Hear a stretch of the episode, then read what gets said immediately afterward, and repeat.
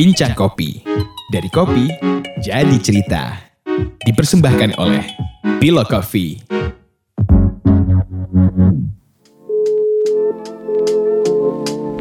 Halo Mas, Halo, saya Maria. dengeran Mas Dan? Malam ya. Oke, bagaimana nih kamar Mas Dan?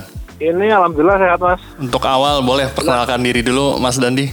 Oh iya, Eh, perkenalkan saya dengan Dandi Darmawan, pengolah kopi dari Ijen Lestari. Udah gitu aja. Oke, cukup. Mau panjang-panjang apa lagi gitu ya? Iya. Biar nanti pendengar bisa dengerin Mas Dan lah, bisa menilai nanti kan. Kami ingin Iya.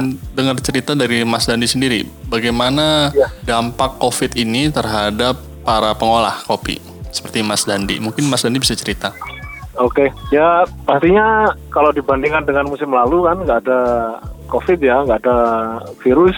Kalau yang yang pasti gini, musim kemarin itu pre-order masuk pesanan sekitar 6 kurang lebih 6 tonan. Sekarang ini jadinya turun 3,7 ton lah, sekitar terjadi penurunan kurang lebih 40 persen. Karena memang eh, meskipun beberapa roastery itu mungkin sekitaran bulan Januari atau Februari kemarin itu ngasih eh, ngasih apa ya istilahnya ya minta minta dikabarin kalau misalkan pre-ordernya buka. Ternyata ada pandemi ini bulan-bulan Maret April masuk mereka nge-cancel gitu mas. Awalnya mungkin mereka anggarannya untuk beli jadinya sekarang untuk mungkin lebih ke biaya operasional terus eh, lebih buat dana cadangan mereka pribadi untuk hidup berlanjut apa nerusin hidup sehingga untuk belanja bisnya agak berkurang. Dari situ kan pastinya cancel ya eh, rencana pemesanan mereka sehingga terjadi penurunan sampai 40% itu. Kurang lebih kayak gitu sih mas gambarannya.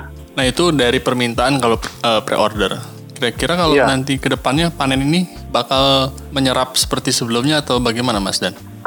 rencananya kan begini ya eh, memang ya kalau harapannya pengolah kan terjadi peningkatan eh, penjualan setiap tahunnya. Misalkan kemarin saya bisa 15 ton paling enggak tahun ini lebih daripada itu. Cuman karena memang kondisinya seperti ini eh, bagi beberapa pengolah mungkin perlu ada penyesuaian ya. Cuman kalau dari saya sendiri bagaimanapun tetap harus lebih daripada 15 ton itu mas. Nah bagaimanapun caranya. Logikanya kan entah cepat atau lambat covid ini akan selesai gitu ya. Ataupun misalkan di Indonesia belum selesai di beberapa daerah di luar negeri mungkin sudah membuka sudah membuka perekonomiannya lagi gitu loh. Dan beberapa negara di Eropa mungkin punya dana cadangan lebih daripada kita di orang-orang Indonesia sini. Karena orang sana kan eh, kemungkinan besar lebih eh, apa ya ekonominya lebih bagus lah. Mungkin meskipun pasarnya di Indonesia saya nggak bisa terlalu banyak bergerak nanti akan coba juga direct trade ke beberapa daerah di sana.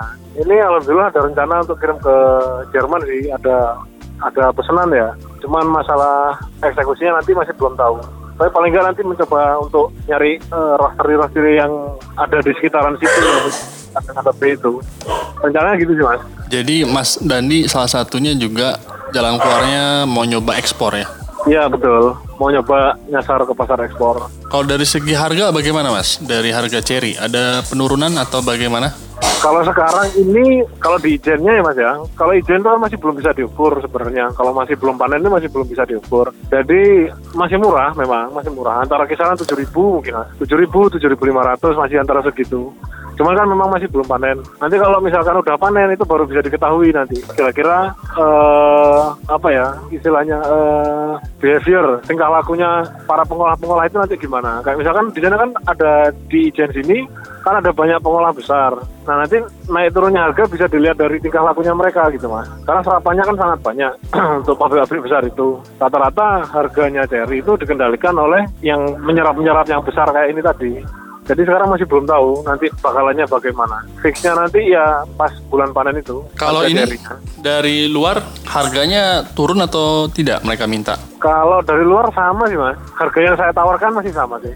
Misalkan kan kayak anaerob natural ya 119 ribu ya saya tawarin sejumlah itu juga. Tapi nggak tahu nanti negosiasinya dalam bentuk dolar atau rupiah. Jadi mereka juga eh, nggak punya pengajuan harga ya, soalnya beberapa pembeli dari luar tuh juga menurunkan harga beli mereka karena situasi Ya. di sana juga sama gitu kan dampaknya karena global kan. Iya, Permintaan betul, tetap betul. ada tapi harganya agak berbeda gitu. Agak turun. Heeh. Iya iya. Yang Jerman ini belum sampai deal harga ya. Masih masih masih belum sampai deal harga mas. Cuma mereka udah mengutarakan bahwa mereka akan memesan satu ton. Satu ton itu dibagi ke empat roastery nanti mas. Gak Oke. cuma satu roastery aja kok. Selain ekspor apa lagi mas? Kebayang mas nanti suatu saat terlepas belum panen nih. Ini kan kalau saya lihat kebanyakan yang tidak banyak bergerak adalah filter mas ya. Tapi yang bisnya kopi susu atau espresso itu masih jalan. Mungkin yang pemesan-pemesan untuk tujuan itu akan saya ini lagi eh, apa namanya dekati lagi lah. Saya tawarin lagi kira-kira mau apa enggak. Kalau misalkan mau kiriman eh, bulanan ya alhamdulillah nanti supaya bisa ngabisin stoknya. Sebelumnya kan bisa sebelum ada pandemi ini kan memang saya ada eh, ngirim nyuplai ke beberapa roastery ya kirim bulanan ya terutama untuk bahan espresso ada yang 200 kilo sebulan, ada yang 150, ada yang 100 kilo per bulan. Nah itu kalau misalkan dikumpulin ada keterikatan pengiriman per bulan, paling enggak kan kalau misalkan ada satu roastery yang minta 200 kilo sebulan dalam satu tahun jangka waktunya serapannya ke dia udah 2,4 ton gitu ceritanya. Ada Itu yang 50 kualitas yang bulan. yang sama kayak pre-order atau di luar pre-order? di luar mas. Di luar ya. Itu. Jadi kalau di luar pre-order itu masih ada permintaan, masih banyak ya. kalau banyak enggak, tapi ada mas. Tetap ada Cuman ya. nggak tahu sekarang ini. Kalau sekarang mungkin ya mungkin yang misalkan eh, tahun kemarin dia mintanya 200 kilo satu bulan. Mungkin sekarang cuma turun jadi 50 kilo atau 75 gitu. Mas. Tapi yang penting Tapi nggak rutin apa-apa. gitu ya. Ya, yang dikumpul saya coba kumpulin satu-satu yang kayak gitu kayak gitu. Makanya Mas Dandi tetap optimis bisa lebih di atas 15 ton tahun ini. Ya rencananya begitu mas. Ini pengolah kan banyak yang pesimis soalnya kan. Pengolah banyak pesimis, banyak yang bingung kebakaran jenggot. Yang besar, yang besar banget itu ya bingung, yang yang kecil banget ya bingung. Semua Ya, bingung. mungkin yang tengah-tengah. Ya karena mungkin yang kalau yang transaksinya kecil itu mereka untuk memenuhi kehidupan mereka sendiri itu agak agak susah gitu loh mas. Karena cadangannya bingung, nanti untuk modalnya buat olah lagi dari mana, lalu seperti itu kan perlu dipenuhi juga. Sedangkan kalau yang besar mungkin yang mereka eh, terlalu optimis sebelum pandemi ini ada, mereka terlalu optimis, cepat banyak, ternyata di cancel, nah itu kan juga bingung juga. Jadi uangnya macet di stok. Kemungkinan seperti itu. Saya nggak tahu gambarannya pasti, tapi kemungkinan seperti itu. Mungkin aja ini insting aja. Em, karena kondisi pandemi ini, apakah Mas Dandi memberikan potongan harga? Lihat harga ceri, Pak. Kalau masih belum tahu harga ceri, saya nggak tahu juga. Dengan kata lain kalau cherry turun, Mas Dandi juga akan menurunkan harga. Nggak ke semua, tapi Mas. Ya, soalnya kan beberapa pengolah tuh ada yang kayak gitu ya. Mereka ngajuin apa potongan harga em, karena emang barang banyak gitu misalnya atau panen udah dekat atau sudah panen, sedang panen tapi pembelinya turun mungkin buat mendorong apa daya beli akhirnya mereka memberikan potongan harga. Nah, kira-kira akan diambil langkah seperti itu Mas Dandi. Itu juga saya sebenarnya masih em, menakar-nakar, Mas ya. Soalnya kan gini, per- pertimbangannya kan gini. eh, ini kan saya kalau misalkan di teorinya ekonomi kan bukan main di pasar persaingan sempurna gitu Mas. Maksudnya produk yang main di pasar persaingan sempurna ya kalau misalkan eh, permintaannya turun harganya turun. Misalkan permintaannya naik harganya naik. Ibaratnya sejak kapan ya? Sejak sejak 2018 apa ya? Harga saya kan masih tetap cenderung segitu-segitu aja Mas meskipun terjadi peningkatan permintaan Ya. dan, dan ada kemungkinan meskipun terjadi penurunan permintaan harganya eh, tetap segitu-segitu aja itu skenario yang yang pertama skenario yang kedua ada kemungkinan juga nurunin harga green bean supaya ngejar target penjualan tadi antara dua hal ini masih masih saya Belum kebayang. masih belum kebayang Karena belum panen sih ya. soalnya masih belum panen masih belum tahu harga cherry juga Panen berarti Agustus September.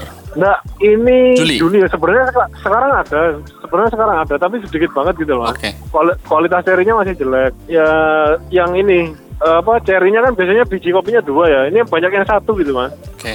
Jadi Juni ya Jadi diperkirakan. Jadi kalau ya perkiraan Juni. Karena kalau pas Juni itu kan setelah hari raya ketupat, hari raya ketupat selesai, orang-orang yang panen sana kerjanya enak, nggak ada tanggungan, nggak ada acara-acara apa. Orang yang di pengolahan juga enak, nggak ada tanggungan, nggak ada acara-acara apa. Jadi bisa full kerja gitu. Kalau pas selama puasa ini kerja tanggung jadinya. Performanya yang ngolah nggak maksimal, yang panen sana juga nggak maksimal, biayanya bengkak Oke Mas, Mas Dandi, ada yang mau ditambahkan mungkin? Kami rasa cukup kalau dari kami pertanyaannya. Kalau kalau saya pribadi sih sebenarnya lebih lebih penasaran sama orang-orang rosternya ya. Kira-kira eh, kira-kira kondisinya bagaimana gitu loh mas. Kalau di Jakarta sendiri, eh, oh, mungkin nanti bisa dengerin podcastnya juga ya, karena beberapa nanti kedai sama roster kita wawancara juga. kami wawancara. Oh, gitu Tapi ya. sebagai gambaran memang kalau di Jakarta sendiri karena kami di Jakarta gitu, itu secara umum trennya emang turun kok secara umum ya. Secara umum turun. Iya, iya, iya.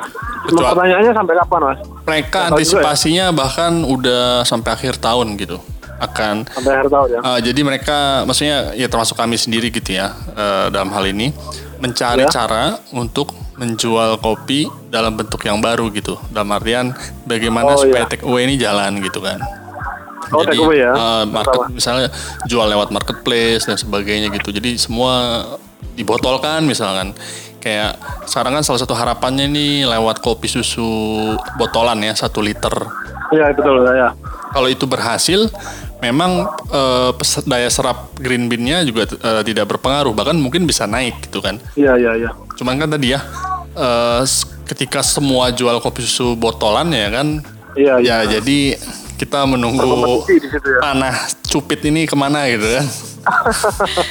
Oke, eh, Ya, masalahnya- Mas Dandi, gimana Mas Dan? Saya nungguin momennya itu tadi. Katakanlah misalkan eh, antisipasi sampai akhir tahun. Nah berarti awal tahun itu akan ada suatu momen di mana orang-orang akan mungkin berpesta pora gitu loh mas. Ya bisa jadi seperti itu, bisa jadi Mereka seperti itu. udah sangat menahan diri untuk ketemu teman-temannya. Akhirnya udah ekonomi dibuka lagi, udah mereka bebas lagi, toko-toko dibuka, roastery dibuka, orang-orang banyak yang nongkrong dan lain-lain cerita ini itu ini itu. Sedangkan sementara ini roastery nggak berani nyetok, kan nyetok sedikit. Saat momen itu muncul, kebutuhannya kopi kemungkinan besar akan naik signifikan, kemungkinan besar. Nah sebagai pengolah, karena kita kerjanya satu tahun sekali, hanya punya jendela di Juni sampai September. Kalau misalkan awal tahun itu nggak siap, ya udah lewat bakalannya momen itu gitu loh mas. Baik Mas Dandi, Em, Oke, Mas.